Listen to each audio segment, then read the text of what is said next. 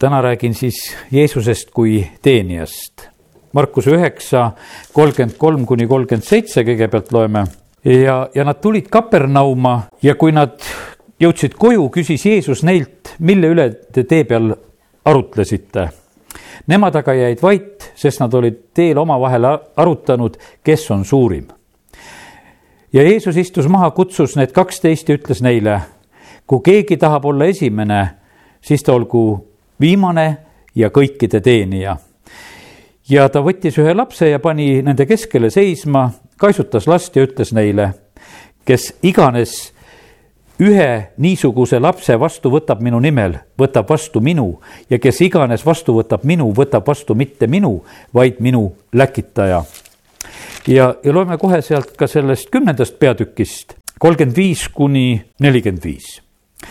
ja Sebedeuse pojad Jakobus ja Johannes astusid Jeesuse juurde ja ütlesid, õpetaja, me tahame, et sa meile teeksid, mida me iganes palume Jeesus küsis, mida te tahate, et ma teile teeksin.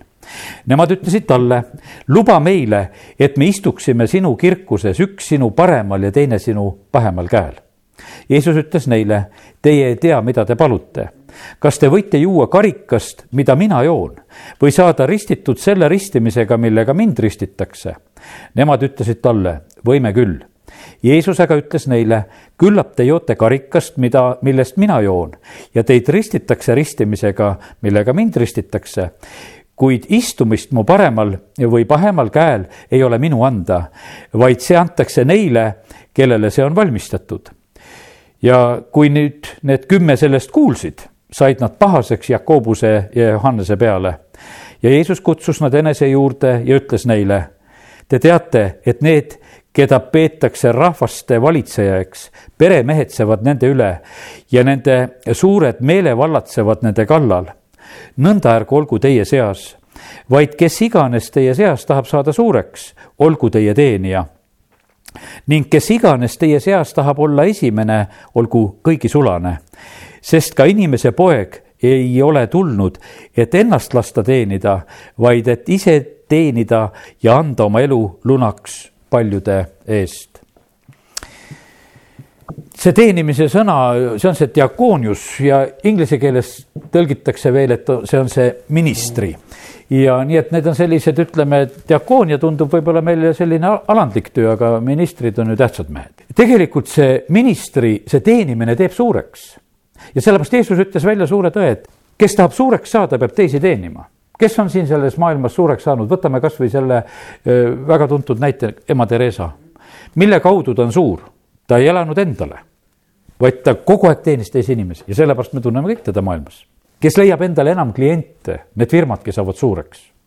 kui sa suudad väga paljudele müüa kui sa saad enda kätte mõned sellised asjad, mis on nagu kõigil inimestel vaja, linnades on niimoodi, kui sa saad endale näiteks veekraani enda kätte või, või saad prügiveogi enda kätte, sest kõigil on prügi vaja ära vedada. et kui sa saad kõiki teenida, tegelikult see teeb sind suureks, see on moodus, kuidas suureks saada ja sellepärast on Jeesus ka suur. kui me mõtleksime niimoodi Jeesuse elu peale, kas me leiame Jeesuse elust, mis piibel meile kirjutab või on see nii kavalasti kirjutatud, et seal ei ole Jeesuse elust midagi sellist meile kirjutatud, kus me näeksime sellist Jeesuse isekust. kus ta ütles, aga mina tahan, minu asi saab muidu riivatud, vaid tegelikult me näeme Jeesust kogu aeg sellisena, kes on teenimas teisi oma tegevuse algusest, mida meile jumala sõna räägib, kuni ristini välja. Markuse evangeelium võib-olla ei too niivõrd välja kõike seda, mida Jeesus just ka seal ristil tegi veel ja, ja nendel viimastel tundidel ja hetkedel, aga tegelikult see oli kõik eh, inimeste teenistuses. nüüd eh, võiks, kui on piibel, võib lahti teha Markuse evangeeliumi esimese peatüki ja ma hakkan nagu sealt algusest tulema, täna on nagu natukese sellise piiblitunni moodi. Markuse üks kaheksa eh, on öeldud risti Johannese poolt, mina ristin teid veega, aga tema ristib teid püha vaimuga ja millele tegelikult Rist Johannes viitab, ta viitab sellest, et, et on üks suur tulemas. Rist Johannes tegelikult tundus ise samamoodi, et ta oleks nagu midagi suurt sest suured hulgad tulid tema juurde ristimisele ja inimesed olid nagu ootuses ja nad isegi mõtlesid, et äkki ta on messia, et äkki ta ütleks ära, et kes ta tegelikult on. üksteist salm siin tuleb taevane kinnitus ja taevast kostis hääl, see on peale Jeesuse ristimist. sina oled mu armas poeg, sinust on mul hea meel. see suur jumala plaan on täitumas ja Jeesus on tulnud siia sellesse maailma, no Jeesus tuli Jumalat esindama, Jumal on tohutult suur ja, ja ta saab kõigega hakkama. me oma palvesoovidega, noh, hiljuti siin palusin ühe inimesega, ma ütlesin, tead, Jumal on nii suur. ta toidab seitset miljardit inimest iga päev. ja sellepärast palvetame, et sina pead ka nädal aega vastu. et ei ole mitte mingisugust probleemi, et kui jumal saab kõikide nende miljarditega hakkama ja, ja peale selle kõik loomad, kõik linnud kõik tegelikult on toidetud, kõik on hoolitsetud, kõik laulavad Jumalale kiitust, ma mõtlen eriti need linnud, nendel pole mingit probleemi, süüa saab, nokivad. praegusel hetkel, kui lumi läinud, nad on nii rõõmsad ja see Jumala hoolitsus saab nendele osaks ja nad absoluutselt ei muretse ka. ma täna lihtsalt vaatasin seda, mõtlesin, no vaata mõne suure looma, et kui palju see sööb. teate, kui palju elevant sööb päeva jooksul? Sada viiskümmend kilo on tal sööki ja sada üheksakümmend liitrit peab olema vett juua. ja see, et, et siis saab tema söönuks ja joonuks. ja, ja jumal ei näe seda mitte mingisuguse priiskamisena, et mis sa nii palju sööd. jõehobu vaatasin, et jõehobul läheb ainult nelikümmend kilo vaja seal heina ära süüa, no aga hein on nagu kergem ka, et eks seda mahtu tegelikult nelikümmend kilo saab ka päris palju. ja sellepärast, aga jumalal ei ole see mitte mingisugune probleem, et ta tegi nii suured loomad no oleks võinud teha nagu väiksemad, et äh, väiksema kulukusega, aga ei, ta tegi suuremõõdulised. no kuule, tonne ju tegelikult kaaluvad, palju need elevandid kaaluda võivad? seitse pool tonni ja, ja nende kõrgus võib olla neli meetrit, et sellised, no sellised võimsad elukad, jumal on teinud ja nad on siin selles maailmas olemas ja see ei ole mitte mingisugune eh, probleem tegelikult jumala jaoks ja elevandilaps, kui ta sünnib, ta on sada kilo raske. nii et see on võib-olla meie parim saavutus, kui selle kätte saame peaaegu. aga see on lihtsalt, kui ta sünnib, siis on ta selline. ja sellepärast kiitus Jumalale, et, et me, Jumal on tegelikult suur ja võimas Jumal. Hiopi raamatus on täpselt ju need pildid toodud, et kui Jumal selle Hiopiga räägib, siis ta noh, toob nagu selle pildi välja, et kui suur ja võimas on Jumal ja just ka selle loodu ja nende loomade kaudu. ja nüüd on see niimoodi, et nüüd see teenija, me õpime sellest Jeesusest kui teenijast täna natukese selliselt, et kuidas tal endal läheb. üks äh, selline moment on äh, siin äh, kohe Markuse evangeeliumist kolmteist salm esimesest peatükist ütleb. ja ta oli kõrbes nelikümmend päeva saatana kiusata. ja ta oli metsloomade seas ning inglid teenisid teda inglid teenisid teda ja sellepärast Jeesus oli inimesena siin selles maailmas. ja, ja kui meie oleme tegelikult siin selles maailmas ka need, kes oleme valmis teenima, siis me võime sellega arvestada, et inglid on valmis meid teenima. inglid teenisid teda ja ta oli metsloomade seas ja seal oli inglite teenistus tema ümber, kes tegelikult olid tuleb kohe meelde seda, et kui Daniel satub lõukoerte auku, siis tegelikult me ei teagi, mitu lõukoera seal sees oli. aga sõna ütleb sedasi, et, et jumal saatis oma ingli ja sulges lõvide suud ja need ei teinud mulle kurja sellepärast et mind leiti olevat tema ees süütu. nõnda ei ole ma ka kuninga ees kurja teinud, nii ta sealt pärast räägib. kui ta tegelikult on selle öösel ära elanud ja, ja tervena sealt välja saab tulla. kui me mõtleme üldse Edenit, seal olid ju loomad. kui me mõtleme tuhandeaastast rahuriiki, seal on loomad, siis kui kurjus on taltsutatud, siis ei ole loomad ka kurjad ja, ja siis ei ole mitte mingisugust probleemi ja veel tuleb meelde see, et kui Peetrusele lastakse taevasse lina alla ja seal on kõiksugu roomajad ja kõik on seal. Ja öeldakse, et kuule, tapa ja söö ja verista ja, ja, ja sellepärast need loomade pildid samamoodi me näeme, et, et kuivõrd meie võime ka sellega arvestada, et kõige selle, sellel perioodil, kui loomad on kurjad, siis inglid on valmis meid teenima ja sellepärast tasub olla ise see teenija ja, ja siis me saame ka sellest inglite teenistusest osa. Jeesus jättis meile eeskuju, kõik see, mis sai talle osaks, see, see saab ka meile osaks ja sellepärast lihtsalt see inglite pilt ka, kui siin Markuse evangeeliumit lugesin, siis ma lihtsalt seda nägin. aeg saab täis, neliteist salm ütleb, Johannes vangistatakse ja, ja viisteist salm ütleb seda, et Jeesus siis hakkabki kuulutama Jumala riiki ja aeg on jõudnud selle, sellesse kaugusesse. ta läheb Kapernauma varsti kuulutama, aga tegelikult ennem vaatame korraks seda ka, et ta valib endale jüngrid ja üks selline väga huvitav valik oli, mis mulle ka täna siit silma lugedes hakkas. ta valib kõigepealt kaks vendade paari nii Siimona kui Andrease ja Jakobuse ja Johannese. Need vendade paarid võtab ta endale jüngriteks, ta läheb nendega koos juba siis edasi ja siis eh, nad lähevadki Kapernauma kakskümmend üks salm. Eh, Markuse evangeelium tegelikult läheb sündmustega väga ruttu ja, ja sellepärast juba kakskümmend üks salm, nad on Kapernaumas ja Jeesus läheb kohe järgmisel hingamispäeval sünagoogi ja, ja hakkab õpetama. ja mis me seal näeme? Nad on vaimustuses ja vapustunud tema õpetusest ja, ja tegelikult üks selline eh, teenimise viis, eh, mida ka meie peame tegelikult tegema, mida Jeesusest õpime, et kui meil on midagi rääkida, kui Jumal annab meile sõna, siis me peame seda rääkima. kui ta annab prohvetliku sõnumi, prohvet peab seda rääkima. kui ta annab tarkuse sõna või tunnetuse sõna, siis seda tuleb ütelda, sellepärast et see on antud nagu selleks. ja, ja sellepärast Jeesus jätab selle teenimise eeskuju ka sellega, et ta tegelikult teenis sellega, et ta õpetas. ma usun seda, et me oleme alati olnud vaimustuses ka, kui sul oli koolis oli näiteks, et kui sul oli hea õpetaja, keda oli meeldiv kuulata no sa kuulasid hea meelega, sa tahtsid teda kuulata, sellepärast ja millega ta teenis, ta rääkis. ja, ja see võib olla niimoodi, et terveks eluks on need mõned näited või õpetused lihtsalt tegelikult nagu meeles. E, need lihtsad ütlemised ja Jeesus oli samamoodi, et üks tema teenimise osa oli see ka, et, et ta tegi seda suuga ja ta rääkis ja sellepärast on see nii ka, et, et kui täna räägin seda teenimise eeskuju, siis meie ees olla ka vaikivad me ei tohi olla oma laste ees vaikivad, me ei tohi olla oma perede ees vaikivad, ütleme, Vana Testament õpetab väga selgelt, et räägi hommikul tõustes, õhtul magama minnes, räägi teed käies, et tuleb ka rääkida. ja, ja see on tegelikult oluline asi, jumal on teinud meid rääkivateks inimesteks. ja, ja sellepärast, kui inimene ei räägi, siis see on tegelikult su suur probleem ja, ja sellest peaks nagu terveks saama hoopis.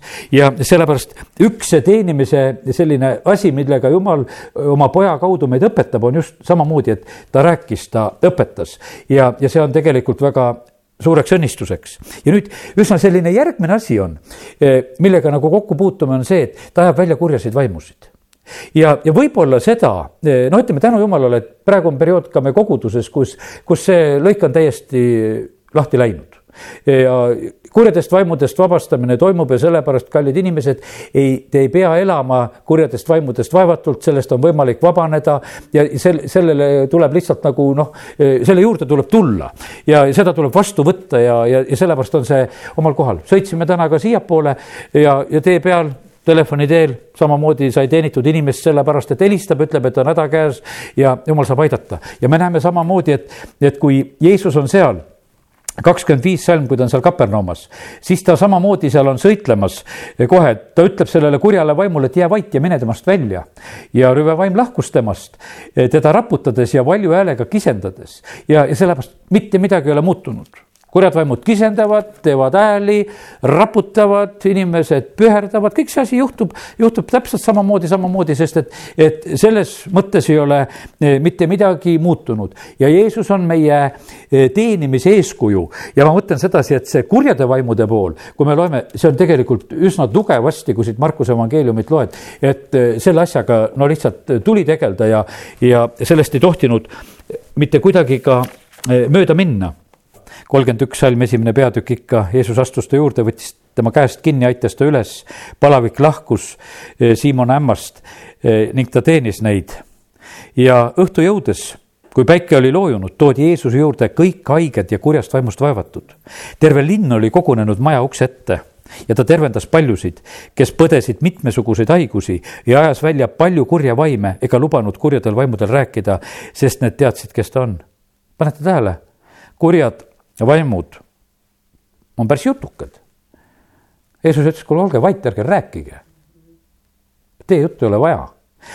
ma usun sedasi, et me teeme sageli palju seda viga, et me kuulame neid inimesi ka, kes on kurjadest vaimudest vaevatud liiga palju vahest. lihtsalt kuulame, ütleme see on moment, et küll, et kui on see väljaajamise moment ja kui seal küsitakse, et kes sa oled ja, ja, ja see suhtlemine on nagu oma koha peal. aga me ei pea olema nendest juttudest mõjutatud, mis on kurjadest vaimudest nagu mõjutatud jutud. ja sellepärast Jeesus, kui ta seal neid näeb, ta ütleb, kuulge, olete vait ma ajan teid välja, ma ei luba teil rääkida. ta ei lubanud neil isegi, sest et ega kurjad vaimud ju tegelikult kiitsid Jeesust ka, kui me siit loeme seda. Jeesus ütles, ma sihukest kurjade vaimude kiitust enda kiituseks ka ei taha. et ja sellepärast ei, ta ei soovinud seda, et nad seda teeksid. ja, ja sellepärast siit on meil tegelikult ka seda, seda õppida. ja nii ta on. nüüd järgmine asi Mm, eh, millele juhin tähelepanu, on salmid nelikümmend ja nelikümmend viis. Jeesus teeb seal puhtaks ühe pidalitõbise, ta puudutab pidalitõbist, see saab terveks ja nelikümmend neli salm ütleb, vaata, et sa sellest kellelegi ei räägi, vaid mine ja näita ennast preestrile ja ohverda oma puhtaks saamise eest, mis Mooses on käskinud neile tunnistuseks. Kui sa nüüd Vanast Testamendist natukese tead, see on kolmanda Moosese neljateistkümnes peatükk no see on päris keeruline värk, seal, kuidas on selle pidali tõbise puhastamine. Seal ei ole mitte üks ohver, seal on kaks sellist põhilist ohvrit.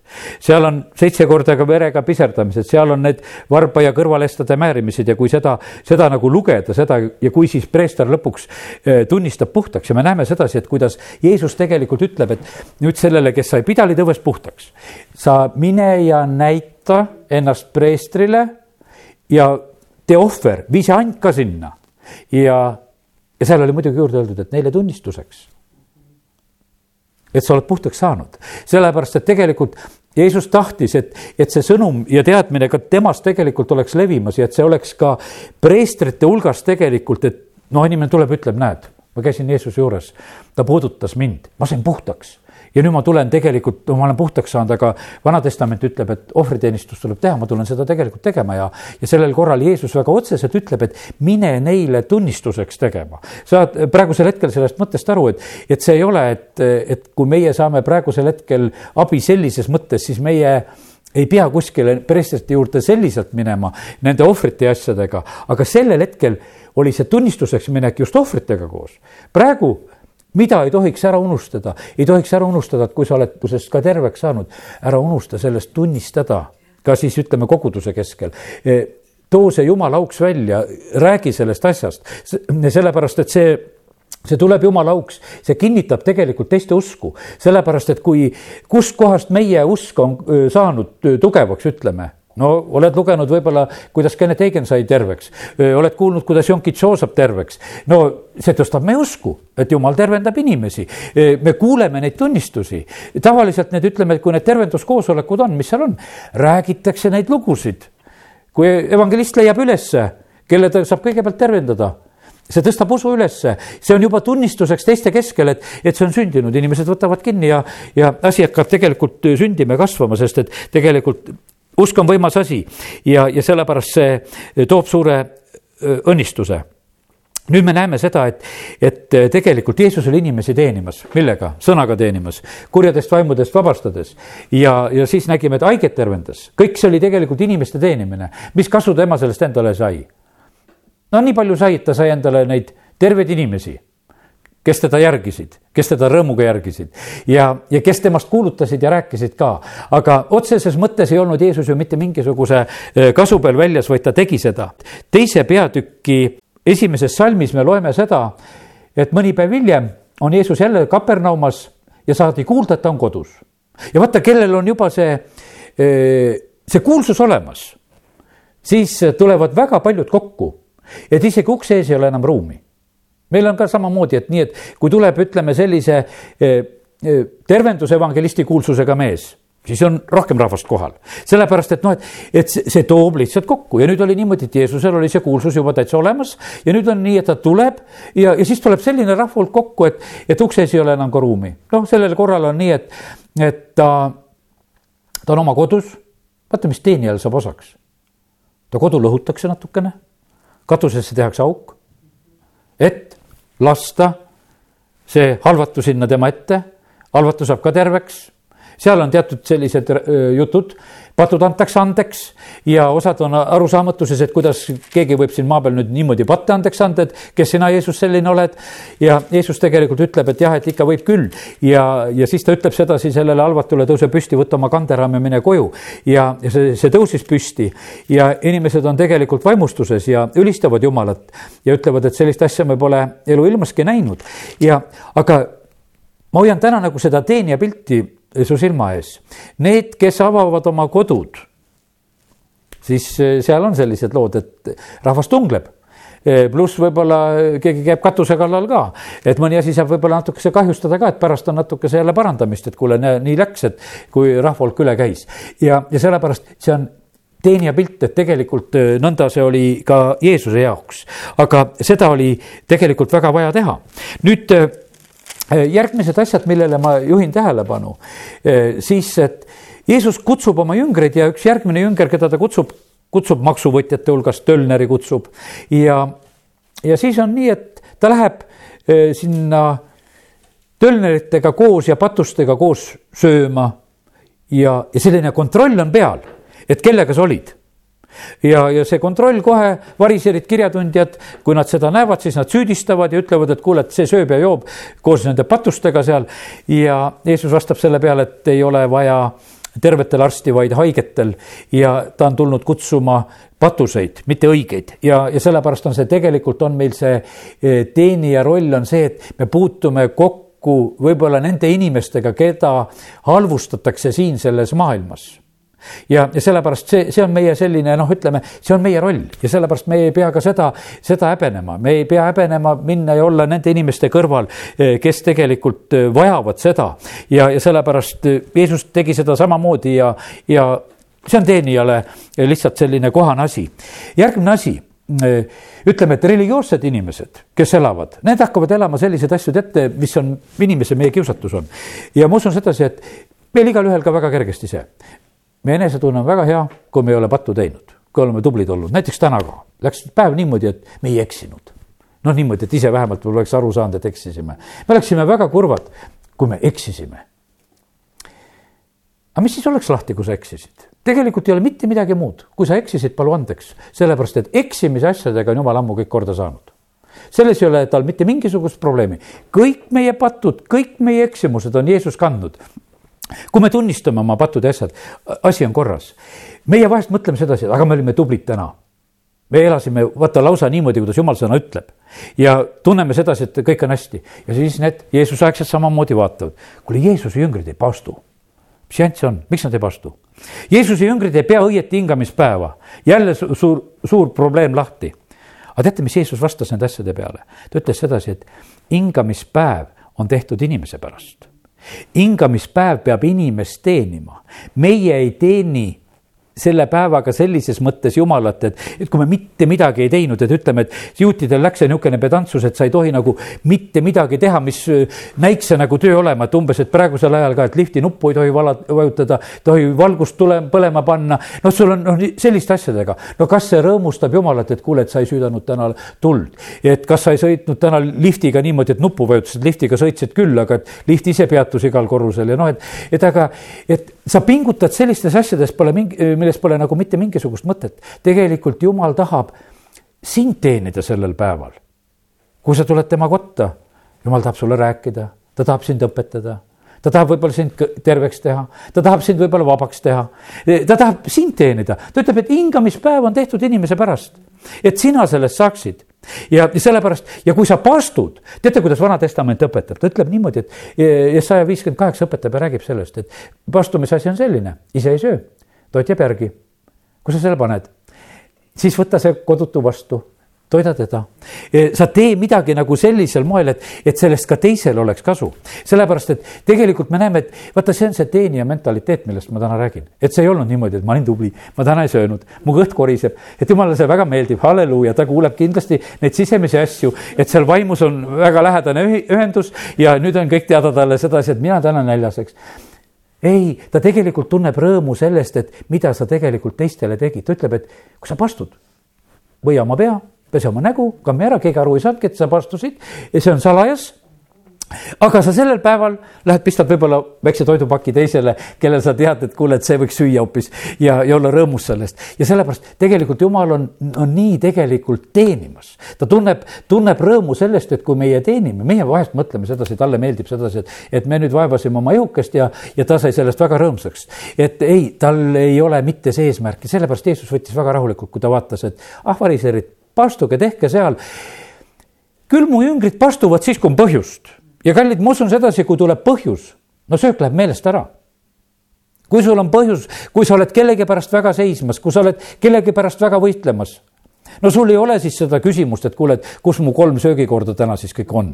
et ma tahaksin, et see oleks väga korras. ei, see ei ole probleem. sa jätad kõik mingi muu asja nimel väga kergesti ja Jeesus õpetas, ütles samamoodi, et küll mu jüngrid pastuvad ka. ja, ja küll need asjad tulevad siis, kui nende e, süda on nendest teistest asjadest, mis on e, oluline ja tähtis, on e, haaratud ja nii see on. ja mis siit veel õppida on kui sa oled jumala teenija, kui sa oled teiste inimeste teenija, kui sa õpid nagu seda, et sa tahad olla selles jumala tahtmises, sa ärritad sellega tegelikult teisi inimesi.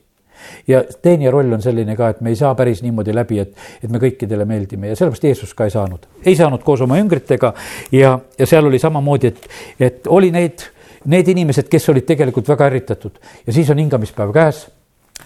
ja nad lähevad sünagoogi, kolmas peatükk hakkab sellega ja varitsevad, et kas Jeesus peaks tegema terveks hingamispäeval, sellepärast et nad nägid, et üks inimene tuleb oma haige käega, kellel on kuivanud käsi, ta tuleb sinna sünagoogi sellel päeval.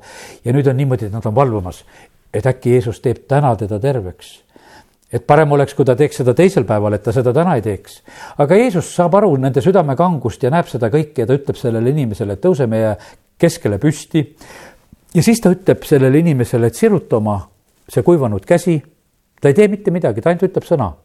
ja see ärritab veel rohkem. sest et kui Jeesus oleks hakanud seda kätt seal masseerima ja, ja midagi võib-olla tegema, siis öeldakse, näed, ravitsed ja, ja, ja teed tööd täna siin ja, ja, ja sa rikud jälle hingamispäeva ja aga tegelikult nad vihastuvad niikuinii ja nad lähevad kohe välja. variserid läksid kohe välja ning langetasid koos Herodese meestega Jeesuse kohta otsuse, et ta tuleb hukata vaata, kui sa teed ja teenid inimesi, siis on see niimoodi, et, et see ärritab inimesi. isegi, isegi see tervenduse teema, et tervenduskoosolekud, me oleme vahest mõne inimesega natuke hädas olnud, näeme sedasi, et, et ta isegi jumalat armastab. aga ta ei salli sedasi, et mis te seda teete, seda tervendamise asja. Jeesus tegi ka seda asja. järgmine asi, ühe teenija eeskuju on see ja mida võib-olla alati ei ole väga äh, lihtne teha, aga mida tuleb tegelikult teha.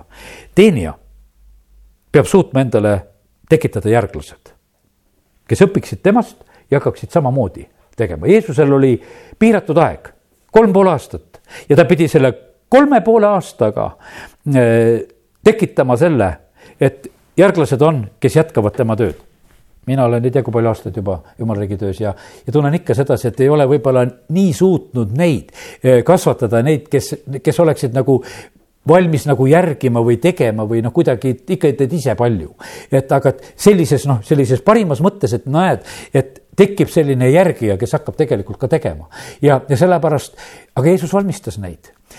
Ta kutsub oma jüngrid, ta teeb seda palvetades, kui me paneme tähele siin kolm, kolmteist. Jeesus läks üles mägedesse, mida ta mägedes tegi, ta käis palvetamas. siis ta kutsub enese juurde, keda ta ise tahtis ta teeb selle tegelikult selle valiku ise, ta ei ütelnud, kuule, et, et kes nüüd tahab olla minu jünger, vaid et ta kutsus ise, keda tema tahtis. ta tegi tegelikult valiku, ta valis oma jüngrid. keda ta tahtis, need tulid ta juurde. ta seadis need kaksteist ja nimetas nad apostliteks, et need oleksid temaga kutsutud ja seatud jumala sulased, vahest kuuleme seda väljendit, eks. jumal on kutsunud, jumal on seadnud ja ta tahab, et nad oleksid temaga. Ja sellepärast see teenimise õpetuse koht, millest me täna räägime, on samamoodi ka, et tuleksid need, kes järgivad, kes oleksid seda tööd jätkamas, sest tegelikult töö peab edasi minema. Ja nii oli ka Jeesuse eeskuju, et, et äh, ta valib ja ta seab need. ja viisteist salm ütleb, ta annab nendele meelevalla. Ja mille jaoks jälle? Kurjasid vaimusid välja ajada et neil oleks meelevald kurja vaime välja ajada. et inimesed saaksid vabaks ja, ja sellepärast see on tegelikult, ütleme, niivõrd oluline ja tähtis äh, lõik et, et inimesed saaksid vabaks, sellepärast et väga paljud haigused ja hädad, mille käes inimesed praegusel hetkel ka vaevlevad, ka siin meie Eestimaal, ongi need vaimsed haigused. vaimuhaiged, nagu vanasti öeldi, nüüd on seda äh, sõna nagu äh, vähem tarvitusel, nüüd võetakse nagu mingi teine sõna tarvitusele, et, et ütleme nagu ilusamini, et, et ei ole need lihtsalt vaimuhaiged. aga tegelikult me näeme seda, et see oli probleem sellel ajal ja on ka praegusel ajal.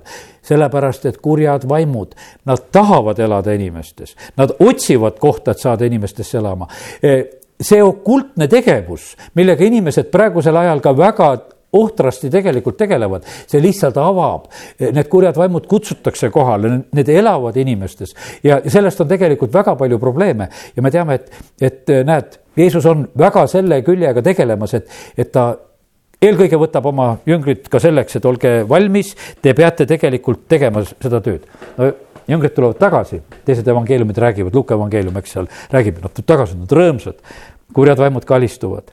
Ja ja see ei ole lihtsalt, et meil mingisugune noh, niisugune mäng, et, et me oleme kurjadest vaimudest va öö, suuremad ja vägevamad. tähtis on, et inimene saab vabaks. ja Jeesus ütleb, et tähtis asi on see, et nimed on taevas kirjas. ja aga, et need kurjad vaimud, need peavad niikuinii minema. ja sellepärast, et nende, nende koht ja nende aeg ja see kõik on tegelikult määratud. aga me peame aitama siin samamoodi, et inimesed võiksid sellest olla vabad. ja nüüd on niimoodi, et seda kõike nagu jälgitakse ja pannakse tähele, mida Jeesus teeb ja mida ta jüngrid teevad. ja, ja kolm kakskümmend, jälle teenija selline eeskuju.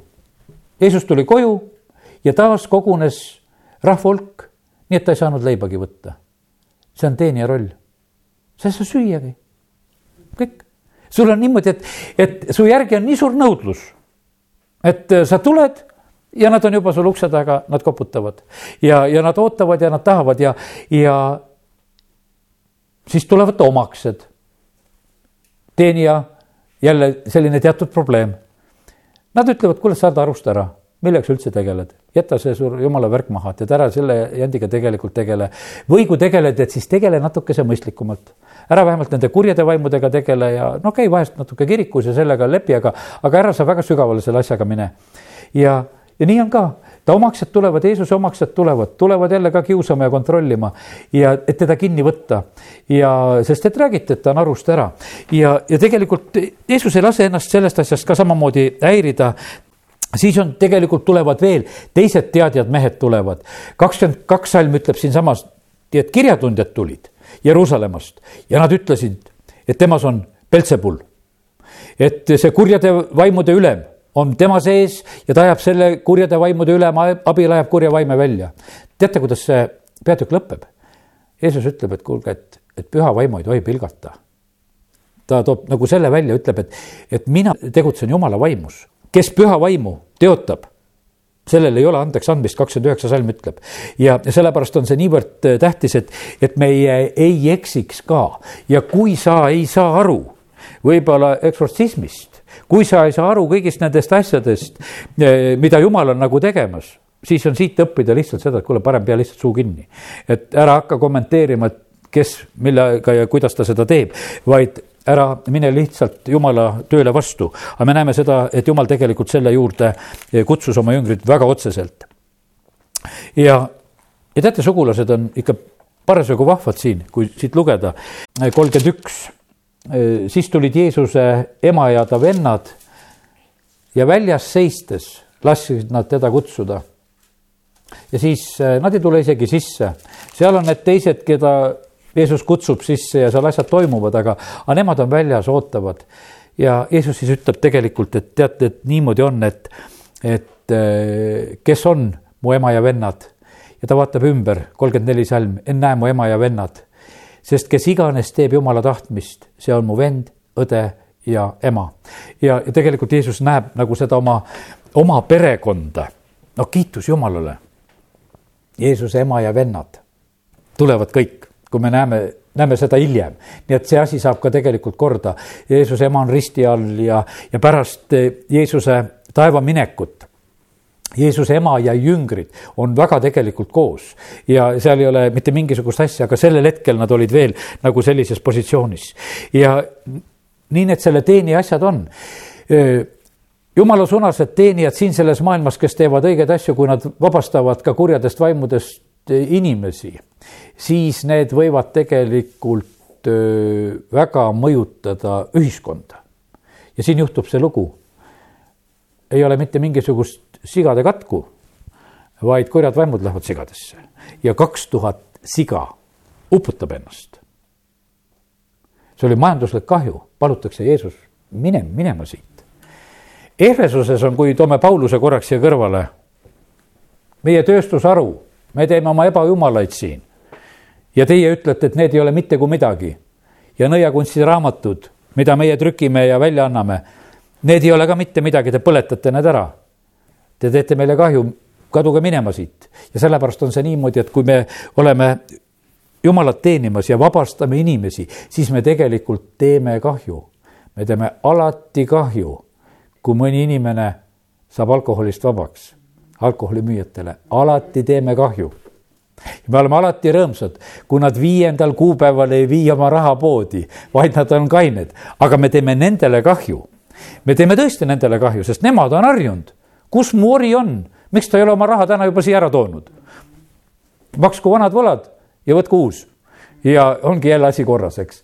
aga kallid, kui inimesed saavad vabaks, siis on tegelikult kahju tekitatud kuradi riigile, kes on tulnud tapma, hävitama ja röövima. ja sellepärast ja kui me oleme need õiged teenijad, siis me tegelikult sattume sellesse vastuollu. ma mäletan sedasi, et volikogus olles oli üks võib-olla täbaramaid teemasid, kui läks alkoholipiirangute arutamiseks, sest kohalikud omavalitsused saavad ka oma asju kehtestada ja, ja omad meetmed olid olemas, nüüd on vist eh, riik tõmmanud rohkem endale, sellepärast et kui Tallinna linn ka seal oma piiranguid tegi, siis riik on mures, et kuidas üks omavalitsus tohib ka selles asjas nii palju sekkuda, sellepärast kes on mures, tegelikult alkoholimüüjad on mures. et nad ei saa nii palju müüa, kui nad tahavad. ja, ja see, ja sellepärast on see niimoodi, et, et see on selline teema, aga see läheb väga vaenlase tegelikult eh, territooriumile, kui hakka, hakkame inimesi vabastama aga me vabastame. Eestimaal saavad inimesed vabaks ja nii nagu jälle nagu vormse ärkamise ajal, et kolmeteist kõrtsi asemel on kolmteist palvelat ja, ja ei lähe keegi sinna kõrtsi lihtsalt kõrtsid pannakse kinni sellepärast, et keegi ei lähe jooma, mitte sellepärast, et viina ei oleks. vaid sellepärast, et keegi ei taha seda enam juua, sest et tal läheb see üle. ja sellepärast on see niimoodi, et meie oleme need, kes me tegelikult siin selles maailmas muudame neid olukordasid ja, ja me peame olema selleks valmis, et kuskil me tekitame tegelikult probleemi. ja, ja see on meie teenimisega kaasnev eh, vastuolu. teate, kus teenijal on raske veel ja Jeesusest on õppida? kodukohas oli kõige raskem sellepärast, et kodukohas, noh kuule, mida sina räägid, me teame sind küll. Pole sa mitte mingisugune imeinimene, me ei usu midagi, eks. ja sellepärast on see, see on siit saadik selline asi, et võib-olla on väga raske vahest olla oma kodus, oma sugulastele, oma lähedastele eh, selleks tunnistajaks, see läheb hoopis nagu teistmoodi, sellepärast et sa oled noh, nendele väga tuntud ja, ja selline. ja, ja me näeme, et Jeesusel samamoodi on nii, et ta, kui ta läheb oma kodukohta, siis on see kõige kehvem eh, tegelikult vastuvõtt. Ja, aga ei, me ei pea nendest asjadest ka ehmatama.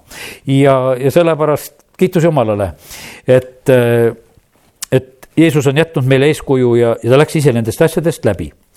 miks see tervendamise valdkond on tegelikult nii tähtis? võib-olla riivamisi ma juba nimetasin seda. kurat tahab lihtsalt ära tappa. ega haigused ei ole mitte millekski muuks ära tappa.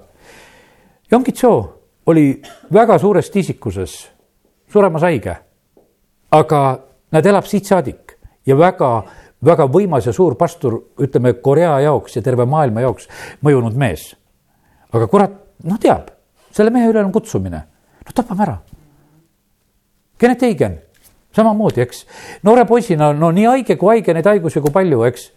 ja, aga milline kutsumine tegelikult õpetajana ja kui see oleks, kui see õpetus oleks jäänud, kui see Markuse üksteist, et südames usu ja suuga tunnista, eks.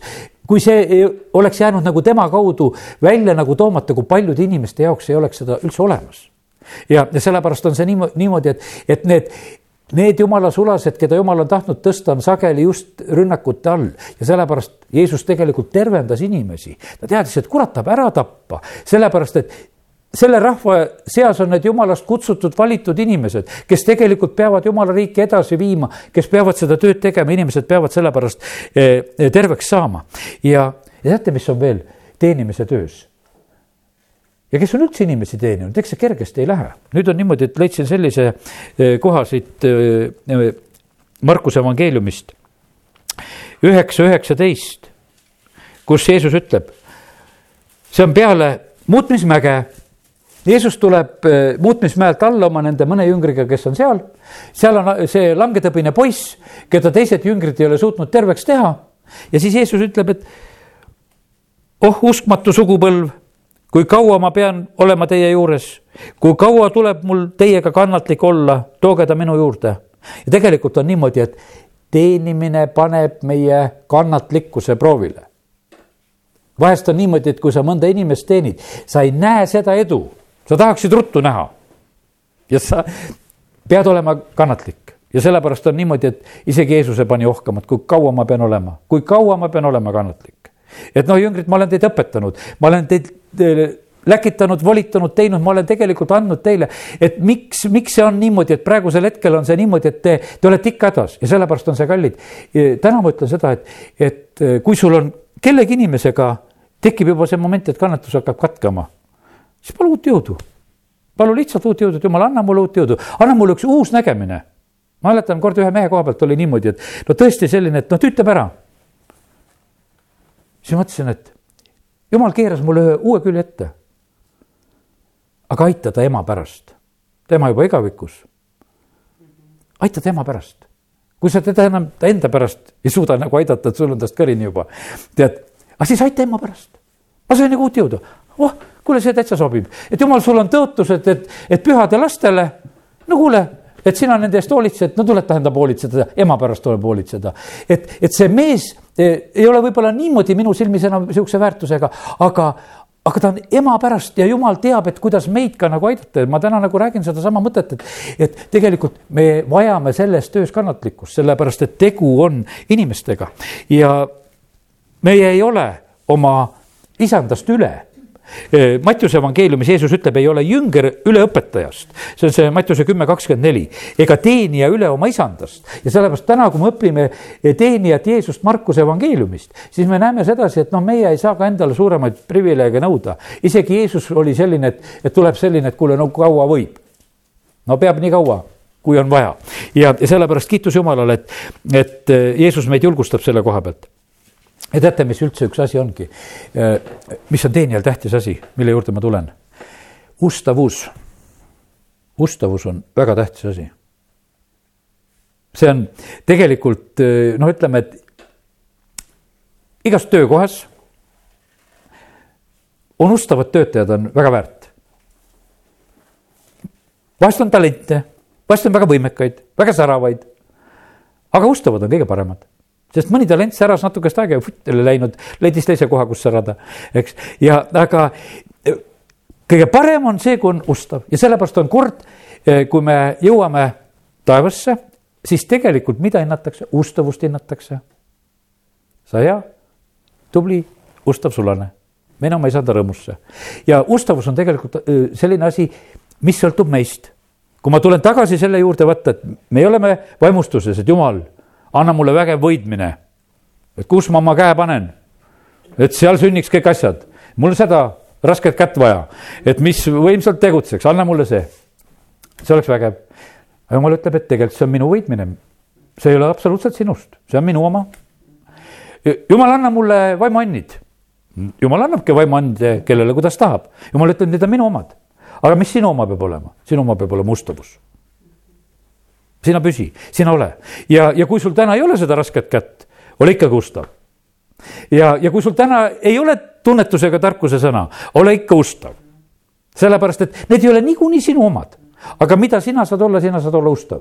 ja sellepärast on see, et jumal tegelikult ootab ühe teenija käest, et nad oleksid ustavad. meie oleme samamoodi tegelikult vahest petetud. see sära petab. mõtle, ta tuleb, teeb, see on nii võimas elus aga tegelikult jumal vaatab sedasi, las nad säravad. ja las nad olla nagu säraküünlad võib-olla vahest, et põles, põles, kadunud. kõik, kustus. aga tegelikult ustavad jäävad ja sellepärast jumal on tegelikult otsimas siin selles maailmas neid inimesi, kes oleksid ustavad ja sellepärast täna ka tuletan meelde, kui ma räägin teenimisest, Jeesus oli ustav kuni ristisurmani. ta, ta tegi, oli lõpuni ja sellepärast jumal ootab meie käest samamoodi ka, et, et, et meie ei kaotaks oma, oma ustavust ja see on tegelikult väga äh, väga tähtis ja, ja oluline asi just ühe teenija ja, ja sulase juures. teate, Jeesus kaitseb neid, kes teevad talle vahest head, neliteist kuus, ma võtan Markuse evangeeliumist veel. neliteist kuus on öeldud, Jeesus ütles, jätke ta rahule mis te tülitate teda? ta on teinud minule ka kauni teo. teate, mis seal oli? seal oli see naine, kes võttis väga kalli alapasterrista, teeb selle katki, valab selle Jeesuse pea peale ja siis on neid, kes nurisevad, ütlevad, et mis sa niisuguse raiskamise tegid praegusel hetkel. aga Jeesus kaitseb, teate, üks asi on, eh, mis jääb nagu jumala ja, ja inimese vahele, võiks ütelda, vaata, see on see meie armastuse küsimus. kui inimene, keegi teeb armastusest mingisuguse teo. vaata, armastuse väljendus on vahest selline, et, et mõistust sellel ei olegi. armastuses ei pea mõistus kontrollima ja sellepärast on see niimoodi, et Jeesus samamoodi on ju tegelikult tegemas armastuse tegu, ta on ristile minemas. Ja, ja nüüd ta on tegelikult vaimustuses, et ma ei ole üksi. et keegi on ka selline, et, et on valmis oma aastapalga katki lööma ja mulle pähe valama. et mitte mingisugune probleem, mõtle aastapalk. sa nagu seda teed sellise teo, et, et ma panen midagi sellist hakkama, kui ma maksan, kuule aastapalk, et kuule, kas sellist asja ikka tasub? armastuse väljendusena tasub. Jeesus ütles, et aga et kui kuskil üldse evangeeliumi kuulutatakse, siis tegelikult tema mälestuseks tuleb seda rääkida. ma olen ikka vahest meeles pidanud, et evangeelium jääb poolikuks, kui seda armastuse tegu välja ei räägi. sellepärast, et Jeesus ütles, et vaata, et see on selline asi, kui te kuulutate ja räägite evangeeliumi, siis te peate rääkima, et et on olnud sellise armastusega inimene, kes tegi minule sellise teo. ja tema mälestuseks tuleb kõnelda, mida tema on teinud ja tänane õhtune koosolek on selle tõttu ka täiuslikum, me lugesime selle koha ka ära, siis evangeelium on komplektis ja, ja kiitus Jumalale selle eest. aga nüüd äh, veel mõned sellised asjad, mida ma ei võta äh, siit Markuse evangeeliumist, vaid lihtsalt mõned momendid veel. Jeesus tervendab Getsemani aias Markuse kõrva Peetrus lööb maha ja Jeesus tervendab selle kõrva. no sellisel hetkel mind arreteeritakse, no juba võiks jätta küll. Juba aidatud küll, juba tervendatud küll. no tilkugu see üks kõrv seal verd ja küll see kuidagi ära paraneb ja vahet ei ole tead, eks. ei, ta tervendab selle kõrva. ta on ise ristiteed minemas. ja, ja tegelikult on see niimoodi, et kui Peetrus on Korneliuse kojas siis ta räägib, kuidas Jeesus Natsaretist, keda Jumal oli võitnud püha võimu ja väega, käis mööda maad head tehes, parandades kõiki kuradi poolt rõhutuid, sest Jumal oli temaga. see oli tegelikult Jeesuse iseloom. ta lihtsalt tegi seda, ta tegi seda sellisel hetkel ka. ta läheb Kolgata poole. Jeruusalemma naised tegelikult nutavad seal, nad tunnevad Jeesusele kaasa no ikkagi raske lugu ja sellepärast, et ega siis kõik ei olnud nii kõva südamega seal et kuule, Jeesus oli, tervendas, söötis meid, õpetas väga hästi ja nüüd lüüakse risti. Ja Jeruusalemma naised nutavad, Luuka kakskümmend kolm, kakskümmend seitse, kakskümmend kaheksa. ent Jeesusega käis kaasas suur hulk rahvast ja naisi, kes endale vastu rindu lüües teda itkesid. Jeesus aga ütles nende poole pöördudes, Jeruusalemma tütred, ärge nutke minu pärast, nutkem pigem iseendi ja oma laste pärast. jälle ta tegelikult, tal on äh, nagu õpetus öelda, kes on näinud seda eh, Luke evangeeliumi järgi äh, Jeesuse elufilmi, siis on see niimoodi, et vaata, see nagu noh, see ristilöömine nagu läheb. Ja siis äkki tekib nagu vaikus. Ja Jeesus vestleb nagu seal nende naistega, et nii kui ei olekski nagu edasiminekut, et võidi nagu peatuda. aga põhimõtteliselt on see niimoodi, et, et noh, seal on lihtsalt filmis välja toodud sedasi, et Jeesus oli tegelikult see teenija tal oli sõna ütelda ka eh, nendele naistele selle ristitee peal, kes teda tegelikult nutsi, eh, nutsid taga. ja ta ütles, et tegelikult on niimoodi, et teie olukord on praegu veel kriitilisem. et mõistke seda, sellepärast et Jeruusalemma tulevik oli ju väga raske, mis oli varsti tulemas. Jeesus on ristil suremas. ja siis ta palub seal. Luuka kakskümmend kolm, kolmkümmend neli. isa, anna neile andeks, sest nad ei tea, mida nad teevad seal all jagatakse tema riideid, heidetakse liisku. no vahest ollakse hädas, et, et kallis kadunukene, alles ta ära suri, juba omaksed juba jagavad. Pole õieti saanud ära mattagi, eks, et juba jagavad. aga Jeesus on seesama lugu. ta on ristil, ta pole veel surnudki, juba jagatakse riideid. eks, pole surnud ja juba jagatakse riideid. Jeesus palub seal, isa, anna neile andeks, nad ei tea, mis nad teevad. Teenija eeskuju. ta ei, ei ole häiritud sellest asjast, ta näeb seda elu ja ta tegelikult on niimoodi, et ta on ikka nende inimeste pärast mures, et kuule, nendel on praegusel hetkel abi vaja ja, ja sellepärast Jeesus õpetas, ütles, et kui ta mäejutluses räägib, ütleb armastage vaenlasi ja, ja palvetage nende eest. ja kas ta ristil unustas selle asja ära, ei unustanud. armastas ja palvetas, eks.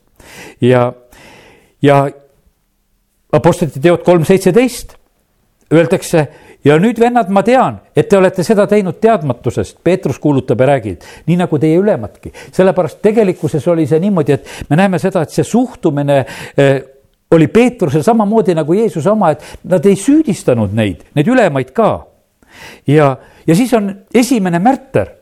Stefanus, kes seal on suremas kivirahe all, see samamoodi palub Jeesuse moodi. ta oli Jeesusest ära õppinud, et kui Jeesus oli niimoodi surnud, siis tegelikult Stefanos samamoodi, issand, ära pane seda neile patuks kui ta seda oli öelnud, siis ta uinus, see on see Apostlite teod seitse kuuskümmend, eks. ja, ja, ja niimoodi, et, et Jeesus jättis sellise eeskuju. Teate, Jeesus on ristil, Johannese evangeelium toob veel nagu välja selle ka. Kakskümmend kuus ja kakskümmend seitse üheksateistkümnendast peatükist. kui nüüd Jeesus nägi risti kõrval seismas oma ema ja jüngrit, kes teda armastas, siis ta ütles emale, naine, vaata, see on su poeg. seejärel ta ütles jüngrile, vaata, see on su ema. ja sel samal tunnil võttis jünger ta enda juurde. Jeesus teenis, hoolitses ka oma ema pärast sellel hetkel. ta, ta nagu lahendab selle asja ära, et kuidas ema, sinu elu peab ka edasi minema ja sellepärast kiitus Jumalale. No ütleme, et ema pärast hoolitses, et võiks, võiks veel seda võtta, aga teate, ta hoolitses selle röövli pärast ristil ka, teenis teda ka. ja ta on ise suremas. ja ta on kaks röövlit, üks ühel pool, üks hakkab pilkama. siis ta vaatab, kuule, see võtab asja tõsiselt no räägime siis sinuga. räägib temaga, ütleb, kuule, täna pead minuga paradiisis olema. ja sellepärast on see niimoodi, et kui eh, ma mõtlesin, et, et see teenija Jeesus et kus sa seal Markuse evangeeliumis oled ja kus sa seal üldse oled, et, et tahaksin nagu su kätte leida, et, et see nagu see piiblikooli see märksõna, et et Markuse evangeeliumist loed ja sa võid leida teenija Jeesuse, siis ma tegelikult nagu otsisin seda põnevusega, et ma tahaks seda näha, ma tahaks sellest õppida, et kuidas see käis. Ja ma usun, et midagi ilusat me tegelikult äh, nägime. Ja, ja sellepärast ja jumal teeb meid ka kõlbulikuks. nii nagu Paulus ise ütles, sedasi ütles tahtjad, et mis me siis oleme, et, et me oleme Kristuse teenrid ja oleme saanud usklikuks ja nii nagu jumal meile igale ühele midagi nagu andnud ja seda me teeme ja oleme ka. aga eh, teise Korintuse kolm kuus ta ütleb, et kes meid on teinud kõlblikuks teenima uut lepingut. mitte kirjatähe, vaid vaimulepingut, sest kirjatäht suretab, aga vaim teeb elavaks. ja sellepärast tegelikult see Jeesuse teenimine, see oli alati elustav. amin